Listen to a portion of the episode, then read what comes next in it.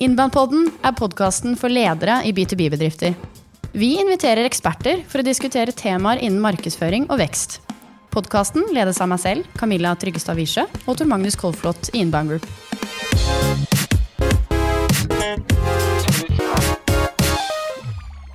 Hvordan skal man lykkes med B2B-markedsføring, og er det egentlig forskjellig fra B2C? Det skal vi snakke om i dag. Eh, vi har med oss to spennende gjester. Akademia og Praktikeren. Eh, velkommen til deg, eh, førsteamanuensis Jon Bingen Sande fra BI. Og vi har også med oss Simen Tsjikulski fra Benum, som er markedssjef i Benum, og er praktikeren som er med i dag. Tusen takk for at dere vil komme. Dette tror jeg blir kjempegøy. Mm. Tusen takk for at vi fikk komme. Kult å være her. Dere har jo litt artig bakgrunn begge to. Kan du starte med deg, Jon Bingen? Du er skogmann. Ja, opprinnelig. Så formelt sett så har jeg en doktorgrad i, eh, i skogbruk også. Eh, men den dreide seg om markedsføring innafor innenfor treindustrien. Og siden jeg gjorde den doktorgraden, så har jeg jobba på BI og undervist i internasjonal markedsføring og business to business-markedsføring. Og det er det jeg forsker på også, da. Så Norske Skog burde ha fått hjelp fra deg i sin tid? altså? De trigget min interesse for faget. Ja, Eh, fordi Da jeg var eh, student for 20-23 år siden, så drev Norske Sko og kjøpte papirfabrikker over hele verden. og Jeg syntes det var dritkult og kjempespennende. Og så prøvde jeg å skjønne hva egentlig det var som skjedde, og hvorfor. Og etter at jeg gjorde mastergraden min, eller hovedfaget mitt, så gjorde jeg et lite prosjekt på den type ting. Og så skjønte jeg at jeg egentlig ikke det er mange veier å ende opp i markedsføring på. Det vet jo du også, Simen, for du er egentlig lydnerd. Mm. Ja, rett og slett musiker. Ja. Musiker, ja. musiker, kanskje, først og fremst. Altså, mannen har vunnet Spellemannsprisen, Camilla. Ja da. Det er, yes. lenge, det er lenge, siden, da. Turnert, turnert verden rundt. Ja da. Det er lenge siden, men det, det har jo så klart vært uh, praktisk for den stillingen jeg i hvert fall har uh, nå. Uh, men den profesjonelle bakgrunnen min er egentlig fra Begynte først som webdesigner, og så litt mer teknisk på webutvikling. Sånn frontend Eh, enklere der. Eh, og så litt mer inne på enkel branding, eh, frem til jeg ble ansatt i Anti, hvor jeg jobba med identitetutvikling og med merkevarestrategier og sånne type ting. da.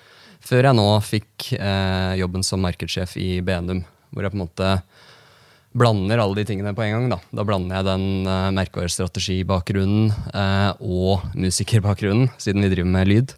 Eh, og veldig mye teknisk, da, som jeg ser veldig, har veldig godt nytte av nå. Hvis vi nå prøver å sette det i konteksten for det episoden skal handle om i dag, B2B markedsføring. Um, hva er det egentlig som gjør B2B-markedsføring annerledes fra B2C? Det er det sikkert mange som lurer på. Uh, hva tenker du om det, Jon? Du har jo forsket på dette her og underviser i dette her på BI. Ja, det, er fall, det, er, det er noen ting som vi pleier å trekke fram. Det som er mest spesielt, er at du, du markedsfører mot en verdikjede. Sånn at du må, du må, tenke på at kundene dine har kunder. Uh, i, og sånn sett så kan du hjelpe dine kunder med å gjøre sine kunder mer fornøyd. Um, det er vel kanskje det mest grunnleggende.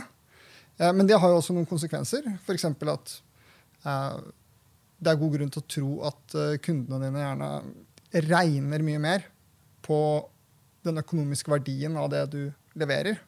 Så, mens en konsument kanskje tar beslutninger mer basert på følelser. Og, og det, det, er vanskelig å regne på, men i forhold til en, en B2B-kunde så kan du faktisk ha et tall på hva ditt produkt eller din tjeneste er verdt for dem.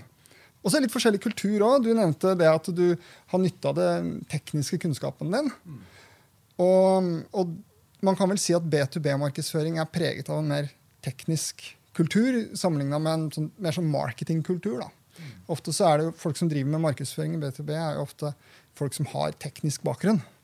Um, snarere enn at de har en um, marketingbakgrunn. Mm. Og hvorfor er, det, hvorfor er, det, sånn, tror du?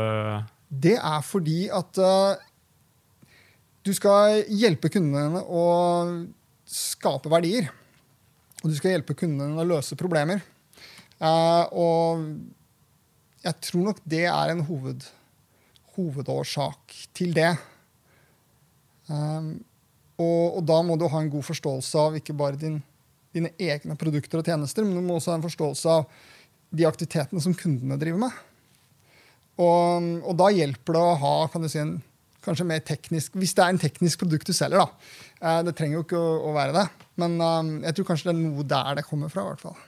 Jeg ser du står og nikker eh, her, Simen. Eh, vil du bygge litt videre Ja, på det jeg- Jon her snakker om? Jeg, som, som praktikeren så, Ja. så kjenner jeg meg veldig igjen i det du sier. Eh, spesielt det der med at uh, jeg, jeg vil ikke nødvendigvis si at liksom kjøpsprosessen nødvendigvis må være mer kompleks, men den uh, næringskjeden blir mer kompleks. Uh, I hvert fall fra, fra et markedsføringsståsted. eh, hvor jeg jobba med litt mer B2C-retta kunder, så kunne jeg liksom ganske raskt, følte jeg, eh, sette meg inn i eh, produktet og hvem som liksom var målgruppa for det, og hva slags mekanikker som lå til grunn. Mens min erfaring der jeg jobber nå, er at det, krever mye mer av meg, og egentlig av den kommunikasjonen vi legger opp til, når jeg skal markedsføre et produkt eller en løsning eller en tjeneste for en verdikjede, eller en helt næringskjede. da. Eh, fordi da er det som du sier, ting spiller jo, spiller jo egentlig på lag, og, og hva vi gjør til våre underleverandører, og hva vi gjør til våre forhandlere, det påvirker jo direkte hvordan de gjør det til sine kunder igjen. Og kanskje de kundene har enda kun mange kunder igjen. Eh, og hvis ikke jeg forstår den, den, hele den reisen der, da, så er det jo mye vanskeligere for meg å egentlig ta de riktige valgene og ta de riktige initiativene. Da. Eh, så det, det opplever jeg også som en veldig sånn veldig annerledes måte å tenke på. Eh, men, jeg, men jeg også føler at det ofte, ofte så prater man om at det er kjøpsprosessen er så veldig mye annerledes. Men jeg, jeg, jeg, vil liksom, vil heller løfte av det litt da, og si at det er mer liksom hele økosystemet som kanskje er mer komplekst. Altså Selve kjøpsmekanismen. Der føler jeg at eh, mange ofte bommer litt og liksom sier at ja, vi trenger ikke ha så veldig brukervennlig nettside eller enkel måte å handle oss, fordi eh, våre kunder eh, bruker mer effort for å gjøre et kjøp, kanskje. Da. Eh, og da føler jeg at det blir sånn forenkla, forenkla av det. Så, så ja. Jeg så noen tall en gang på at eh, B2B-segmentet er dobbelt så stort som B2C. Uten at jeg helt forstår hvordan det henger sammen. Eh, Men at det er enormt, det har jeg på en måte skjønt. Eh, Og min erfaring med markedsføring og markedsførere er at eh, de fleste har fokus på B2C. De fleste byråer eh, jobber mest med B2C-segmentet, forbrukersegmentet. Um, og de casene som det snakkes om i bransjen, er også gjerne B2C-caser. Kjente, forbru store forbrukerbrands. Hvorfor er det sånn? Godt spørsmål. Spørsmål. Ja. Jeg, jeg, kan, er, jeg har sett på de tallene sjøl også, at de, de er jo større for B2B. Men jeg tror kanskje én ting som også er litt spesielt med B2B, er at eh, relasjoner og hva du gjør i markedsføringen, også blir noe, noe som man holder litt tett til brystet. Du, eh, fordi det blir såpass nært kanskje at man ikke Det er ikke nødvendigvis sånn at du går ut og snakker til hvem som helst om en bestemt kunderelasjon og hvordan den fungerer. Um, så det kan kanskje holde noen igjen. Og så tenker jeg at det er veldig mye Ofte så kan det jo være ganske mye smalere da, uh, i et B2B-sammenheng. Uh, I hvert fall for vår del. Så det er, det er veldig Smalere nisjer, Rett og slett, ja. For det, det er ganske mye smalere å selge en, uh, en 60 ganger 60 møteromsmikrofon til, eh, til eh, 100 000 enn det er å selge et Beats-headset. Eh, og da blir man jo eh, hvis man gjør markedsføringa si bra, så blir man jo, hvis man ikke er interessert i de, de type mikrofonene, så er man jo mye mindre eksponert for de der eh, mer B2C-markedsføringene som skjer òg, da. Eh, så, men jeg opplevde at eh, på, i fjor på en eller annen messe at eh, jeg så flere og flere av våre leverandører, altså merkevarer som vi representerer, som kjøpte mer eh, outsourca sin markedsføring da, til sånne, til sånne typer sånn som dere driver med.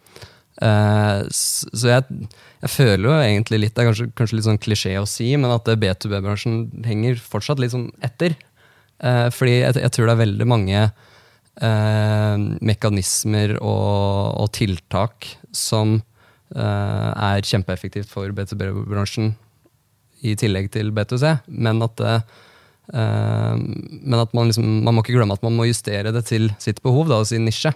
Eh, og, det, og det føler jeg som veldig klassiker, i hvert fall som jeg ser hos oss og i vår bransje, er at man, liksom, man ser noen trender i B2C, og så prøver man å implementere på B2B uten å bruke huet imellom der.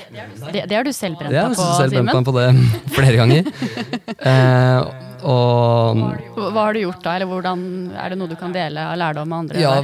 Jeg vet det er mange som gjør akkurat ja. det samme. Ja. et sånn veldig enkelt eksempel er jo at man tar um, f.eks. det med å generere leads til en salgsavdeling ved å bruke Facebook eh, retargeting og Facebook forms, og alt er bare optimalisert etter fingerspissene i siste Silicon Valley-ånd, liksom. Eh, og, og det var noen av de første tingene jeg gjorde, for jeg var vant til å gjøre sånne type ting fra da jeg jobba i byrå. Men når jeg tok med det inn til vår eh, salgsavdeling, og han, den ene personen som var ansvarlig for de typer produktene hos oss, så, så fikk jeg bare liksom et tomt blikk tilbake. Om liksom, hva, hva, skal med, hva skal jeg med det her? Og hva skal jeg bruke dette til? Og, det, og, og da jeg, møtte jeg litt meg sjøl i døra på at eh, her må jeg tenke litt mer om ikke nødvendigvis at de tingene jeg gjør er feil, men jeg må eh, få med meg de andre som òg skal jobbe med det her, eh, på laget, så de skjønner hva vi egentlig prøver å oppnå. Eh, og, og for min del har det egentlig bare vært å, å sette litt mer sånn overordna mål da, på hva man egentlig skal prøve å oppnå. Eh, som gjør at det, man, man har noen tiltak eh, som er koblet opp mot noen mål. Man tar ikke bare et tiltak på B2C fordi det ser fett ut å drive med eh, retargeting, f.eks. Du er inne på et helt sentralt eh, tema her, Simen, og vi skal ha en egen episode om dette. Ja. Eh, men det du snakker om nå, er jo egentlig samarbeidet mellom salg og marked. Mm. Sånn at det du gjorde av markedsføringa, var egentlig ganske riktig. Men når du da kommer og approacher en ledergruppe eller en, en salgssjef som jobber veldig tradisjonelt, um, så skjer det en, en clinch der, rett og slett, som gjør at uh, resultatene blir ikke deretter. Mm.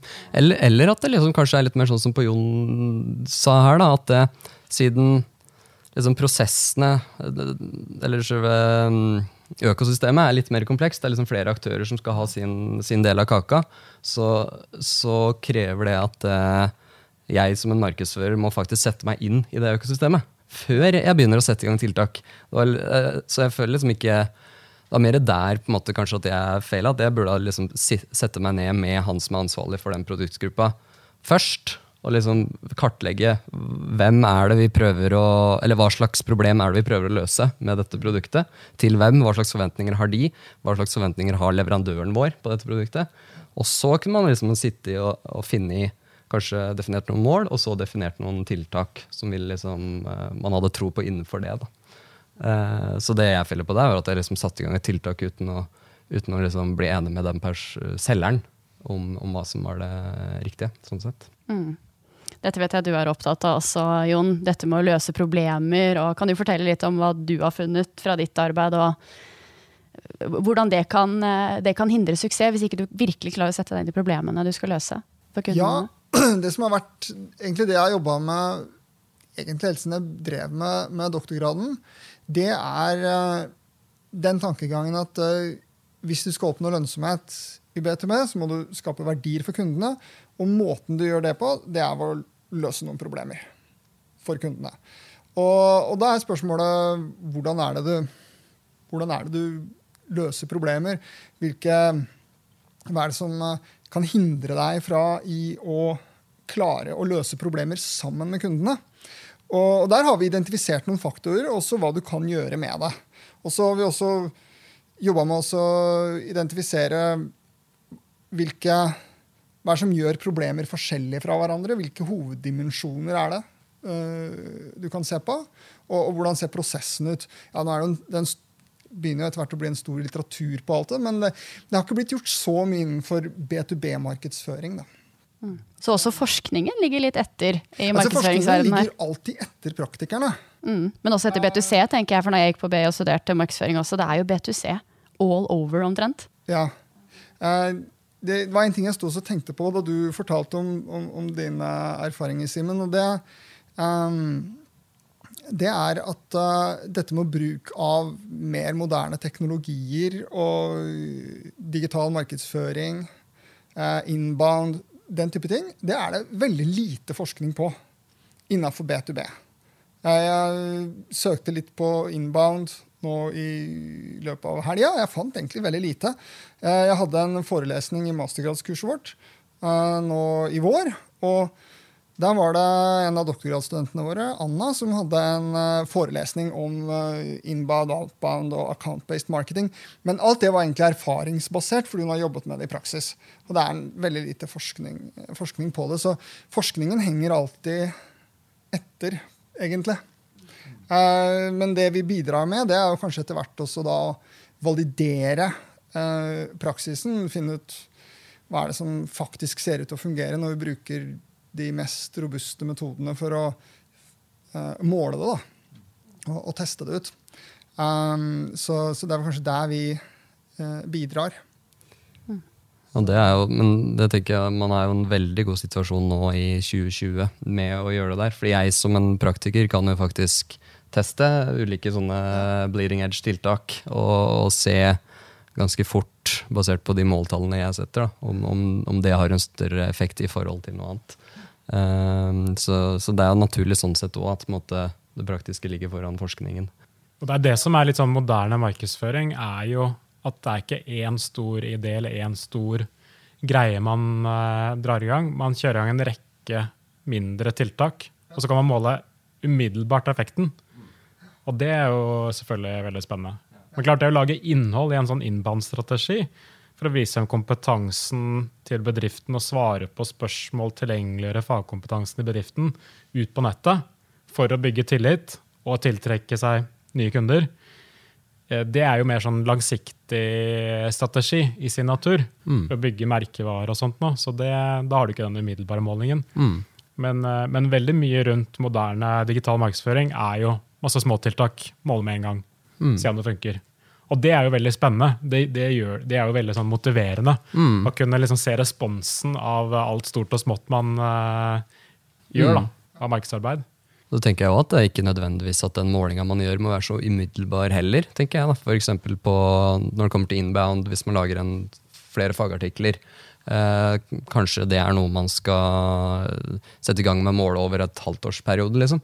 Det kan være ekstremt effektivt. Man veit jo ikke før man har satt i gang og satt noen måltall for å se på det. Og, og jeg vet ikke om kanskje det er noe lite aspekt ved den der B2C, B2B-greia òg. At, at, du må kanskje ha litt mer tålmodighet innenfor B2B, i hvert fall ofte, da, innenfor noen nisjer. Jeg opplever det i hvert fall hos meg. At uh, fordi B2B, der kan på en måte, nei B2C, der kan du, hvis du har et produkt du skal markedsføre ut i, ut i markedet, så, så, kan jeg ta de der kjappe tiltakene hvor jeg kan kjapt se hva som funker eller ikke funker. Eh, men hvis jeg skal selge et uh, PA-anlegg til en halv million, eh, hvor det er en kompleks kjøpsprosess, og det er en leverandør, og det er en underleverandør, og det er kanskje noen som skal installere det, og sånne type ting, så tar jo det dritlang tid. og da betyr det ikke at det er ikke noe jeg kan gjøre liksom, innenfor det. Jeg kan jo gjøre masse ting, men det kan hende at de tinga jeg måler effekten av det, faktisk, at man må være litt tålmodig. da, Før jeg kan se om det faktisk er kjempeeffektivt eller ikke. Uh, det, men det er kanskje sånn klassisk greie at man blir veldig uh, Man er gira på å se liksom resultatet fort. da, Og jeg merker i hvert fall det internt hos oss. at uh, Spesielt da jeg begynte, at det var veldig mange spørsmål om liksom sånn ja, men øh, skal vi være på Snapchat, eller skal vi ikke? Liksom. Og, og da, da, blir det sånn Da er jeg så banal at jeg svarer at det, det veit jeg ikke. Liksom. Eh, hva er, det, hva er, det, du skal oppnå med det, i så fall? Og hva er det Hvilket mål er det du tror du skal liksom nå ved å gjøre det? Fordi Man begynner liksom veldig ofte med tiltak, da, uten at man ser på hva er det man skal oppnå ved det tiltaket. Det er det eh, man hører om der ute. Mark. Ja, nye kule det. ting, AI, robotisering, alt det kule du kan gjøre, og så hiver man seg på den. Ikke sant? Og hvis du selger eh, hvis du selger en mobiltelefon til konsummarkedet, og ting er tilgjengelig og ute i markedet, så kanskje du kan liksom ta de der greiene der. da, Bare teste liksom, i løpet av en uke og få svar.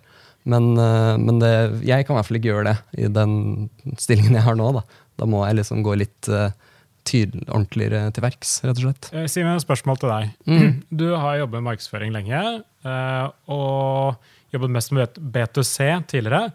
Og så ble du, begynte du en ny bedrift, en B2B-bedrift, og skal ha ansvar for markedsføring. Hva, hva, var den største måte, overgangen, overraskelsen, og da kaste seg inn, plutselig inn i B2B-markedsføring for deg? Jeg tror eh, det mest Det viktigste av det er egentlig det som vi prata om innledningsvis, om den derre jeg, jeg merker at jeg må bruke mye mer tid på å liksom forstå prosessene. Fordi prosessene er eh, litt mer komplekse enn det jeg trodde. Men òg fordi at eh, jeg har forstått at jeg må for, for, at jeg kan kunne gjøre en god jobb, så må jeg forstå det bedre òg. Jeg, jeg, vet at det er veldig mange som jobber innenfor B2B, som eh, jobber kanskje litt mindre strategisk som en markedsfører. Altså Kanskje er mer den der rollen som, som legger ut noen Facebook-poster og kanskje skriver en artikkel og sånne type ting. Eh, men jeg merka veldig fort at hvis jeg skulle gjøre det med suksess, hvis det liksom skulle bli bra, så måtte jeg vite hva salgssjefen tenkte. Jeg måtte vite hva daglig lederen sa til salgssjefen. Jeg måtte vite hva liksom den overordna visjonen for hele selskapet var. Da. Skjønte du det liksom første dag på, i ny jobb, eller var det, noe, det, du, var det noe du lærte? Gikk du på noen tabber, eller eh, ja, jeg gikk på mange, mange tabber, annet den tabben som jeg, som jeg nevnte i stad, med det å liksom samle inn hot leads fra Facebook, og så gir du til en person som ikke vet hva han skal bruke til det. Det er sånn, Mange sånne ting har jo dukka opp. Eh, men òg liksom sånne enkle ting som å Eh, hvis det kommer et nytt produkt innenfor et segment, så, så kan man kanskje få liksom beskjed om at ja, vi må, vi må, gjøre en greie på dette. Kanskje jeg får en mail på det. da. Eh, og i starten så var det sånn, ok, gjøre en greie, hva, hva, har dere gjort før? Nei, vi har lagt ut en artikkel, da, og så skrev vi litt sånn, så har vi linka til noen greier. Og så er jeg bare, ja ok, men funker det, da? Bare, Nei, jeg tror det, liksom. Var så perfekt, da. Og da, i mitt hud da, så satte jeg liksom opp målinger på det med en gang. Og liksom, ok, da prøver vi det. Sette opp noen målinger og se hva som skjer. Og på noen av de greiene der så skjedde jo ikke en dritt. Eh, og da var det sånn, ok, da bruker jeg tre timer av arbeidsdagen min på det, han bruker to timer, eh, og så fører det til ingenting. Det er liksom fem timer per sånn produkt da, som er bare bortkasta. Eh, så jeg vil si at de, det, nesten det første året, egentlig, hele første året, så har jeg liksom gjort sånne ting. Eh, egentlig debunka ting, da, liksom, som man alltid har gjort.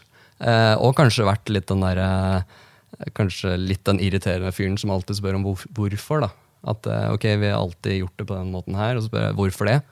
Og hvis man kommer med et annet svar, så spør jeg ja, hvorfor det? Hvorfor det? Og liksom gra meg lenger og lenger ned for å prøve å forstå hva er det du prøver å oppnå. Du er en femåring, du. på jobb. Ja, egentlig. Ja. det er mitt inntrykk innen B2B-markedsføring også, at veldig mange B2B-bedrifter måtte ha kjørt sitt løp på salg og markedsføring i alle år. Drevet med litt call-calling, de har vært med på noen bransjemesser en gang i året. Eh, har noen annonser i noen bransjeblader. Og hvorfor har vi disse annonsene? Jo, vi har alltid gjort det. på en måte. Det føles dumt og rart å kutte det. Vi har alltid gjort det. Og det var, og det var akkurat det jeg tok over. Det var akkurat sånn den bedriften var. Det var de faste messene, det var de faste fagbladene, og det var de faste artiklene. For det hadde jeg alltid gjort. Så, så, jeg, uten å høres litt sånn ovenpå ut, så jeg, jeg kast, har egentlig kasta alt det på, på dynga nå etter hvert som jeg har blitt litt mer varmere i tøya faktisk kan vise til bevis på at dette er bortkasta penger, dette er bortkasta tid, så har jeg liksom bare kasta bort mer og mer og mer og mer, og mer, og mer ting. Eh, og rett og slett liksom begynne litt fra scratch. da. På, så, det, så, det, vi gjorde etter ca. et halvt års tid, hvor jeg liksom hadde fått litt eh, skjønt litt hva som var greia der, så var det rett og slett bare å begynne på scratch på bare utvikle en merkevarestrategi fra bånn av. rett og slett. Hvorfor eksisterer vi? Hva er det vi hva, Har vi livets rett? liksom? Hva er det vi skal løse for kundene våre og for leverandørene våre? Og bare begynne helt på blank, bar bakke. Så, og det tror jeg var veldig veldig skremmende for mange internt hos oss, men òg veldig åpna noen dører for veldig mange andre. da. Eh, så jeg ser jo nå at det liksom dukker opp ideer på tiltak for å oppnå et mål nå, som, som aldri ville ha dukka opp for et år siden. Fordi man har, man har, noen knagger å henge på de ulike tiltakene man gjør. da. Mm. Hvis du skal mm, dele litt erfaringer Simen, med folk som lytter i dag sånn, Nå har vi snakket, Du har gitt noen gode råd på liksom de strategiske føringene og litt hvordan du har tenkt og hva du har brent deg på. Men hva er det sånn litt mer konkret av markedsføring som dere har gjort og fokusert på? Er det noe som går igjen av taktikker eller måter å markedsføring på som, som du har lykkes med?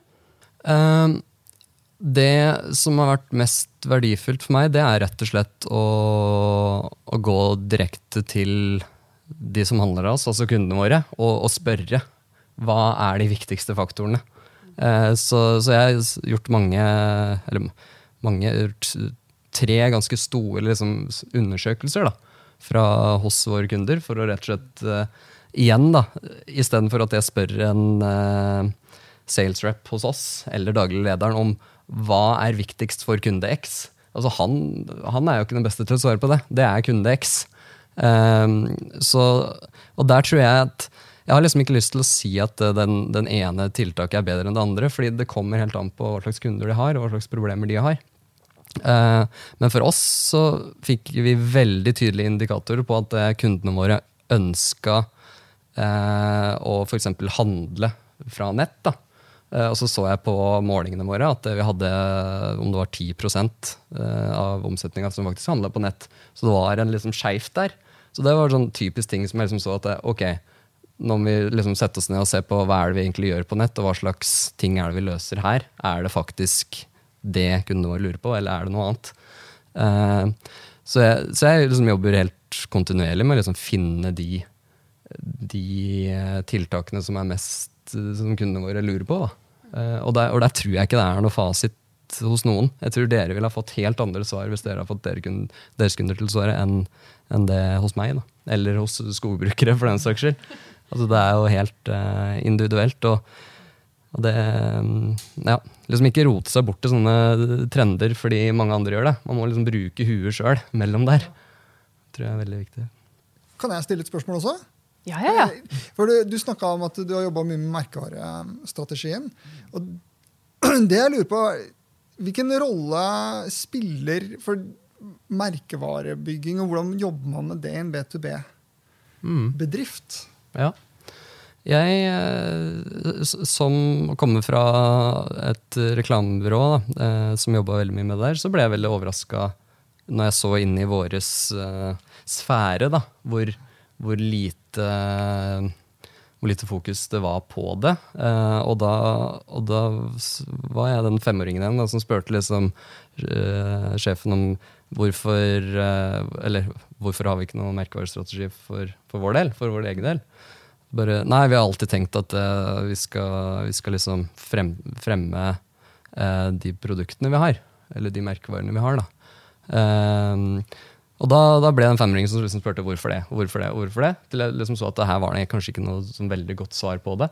og jeg så jo det at følgere våre på, altså på nettsider, på Instagram og på Facebook, og sånt, de, de, henvendte oss, de henvendte seg til oss som en merkevare altså som en egen entitet. da, som hadde, egen, som hadde, en egen stemme, som hadde en egen rolle i dette økosystemet. Mm. Så jeg, jeg, så liksom ingen grunn til at, det, at ikke vi skulle være tydelige på, på hvem vi er, hva vi løser, eh, hva vi ønsker å være. Altså, det er alle de tingene der som ligger i merkevarestrategi.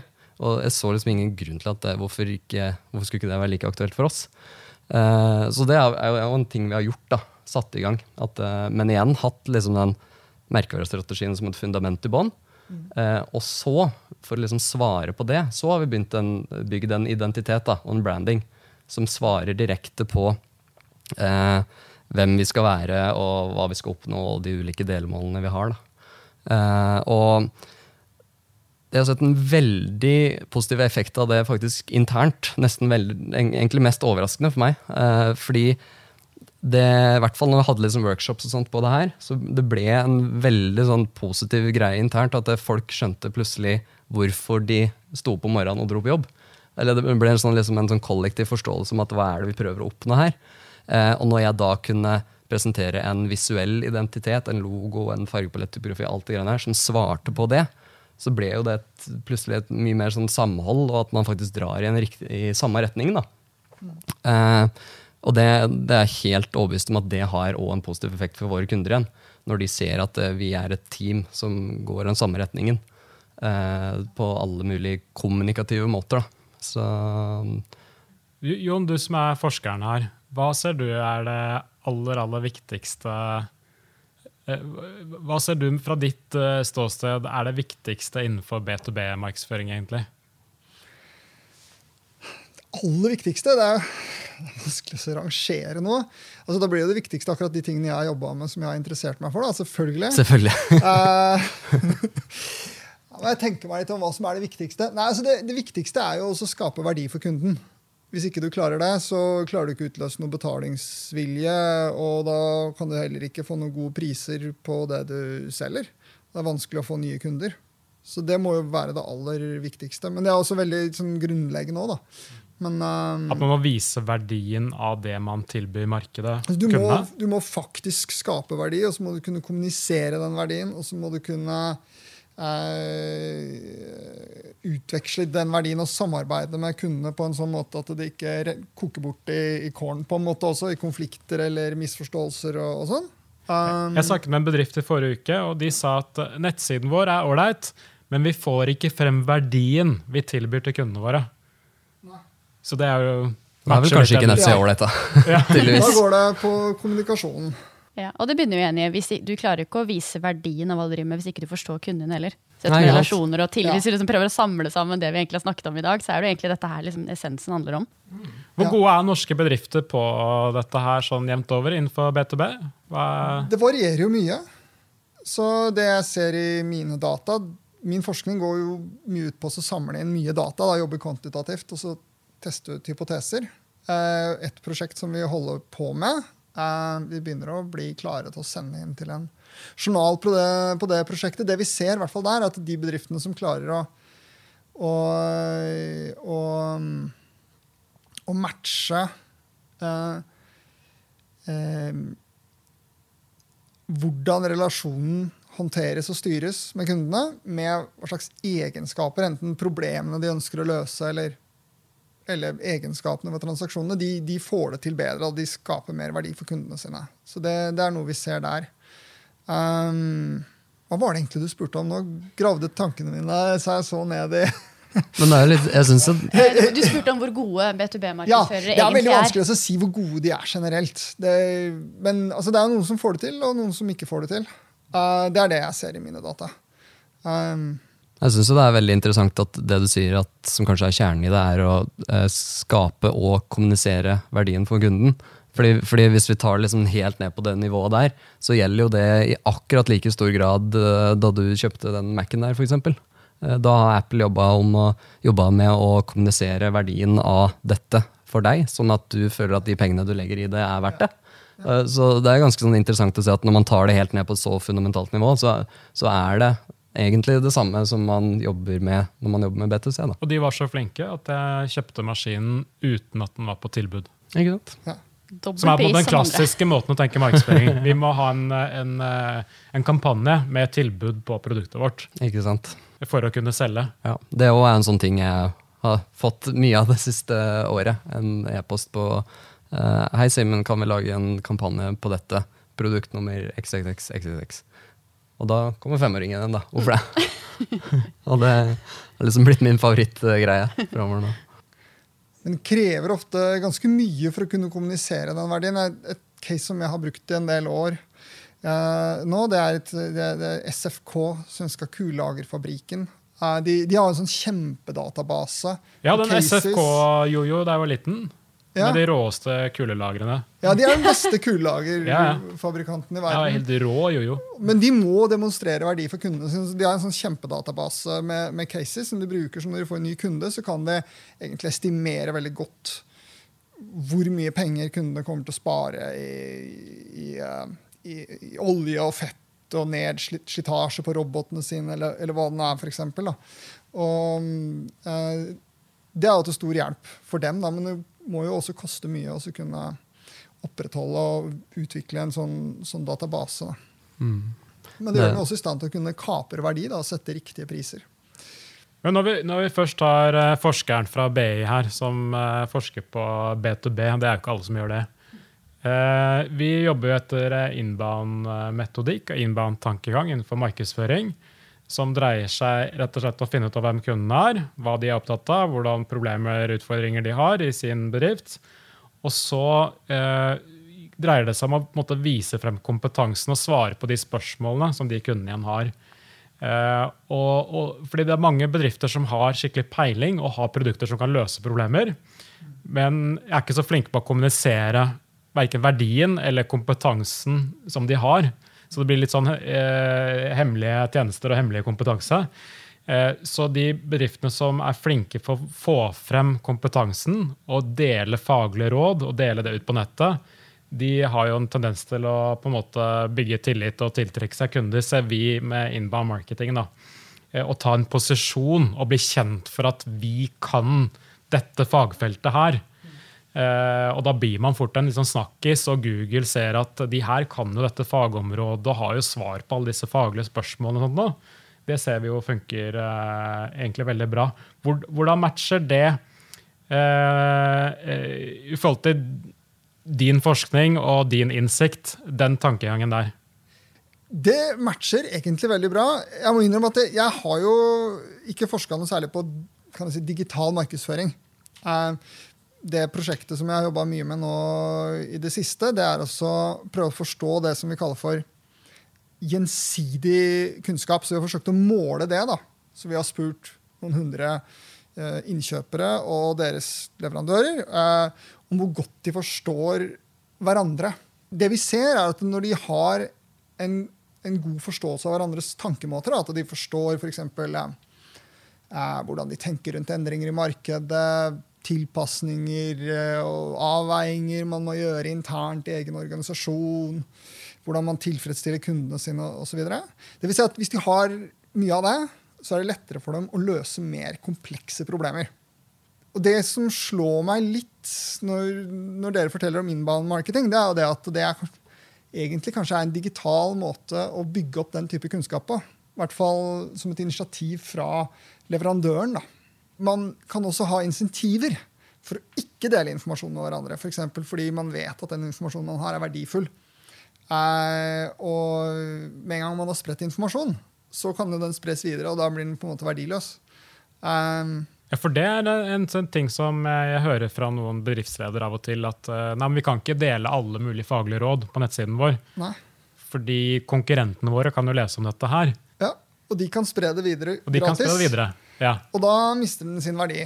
Men jeg tror de, mitt inntrykk er at de fleste bedrifter tror jeg har en del å gå på der. Ja. At jo, du kan nok dele det og det, men kanskje ikke den innerste hemmeligheten. på en måte, Men du kan nok dele mer enn du tror. For Nei. å nettopp vinne litt marked og bygge tillit. og... Og hvis du, og så er det noe med at eh, når man løser problemer, så genererer man ny kunnskap hele tiden. Så hvis du er flink til å løse problemer, så vil du hele tiden ha ny kunnskap du kan spre. Um, så, så det er jo også en, eh, noe man kan ha i bakhodet.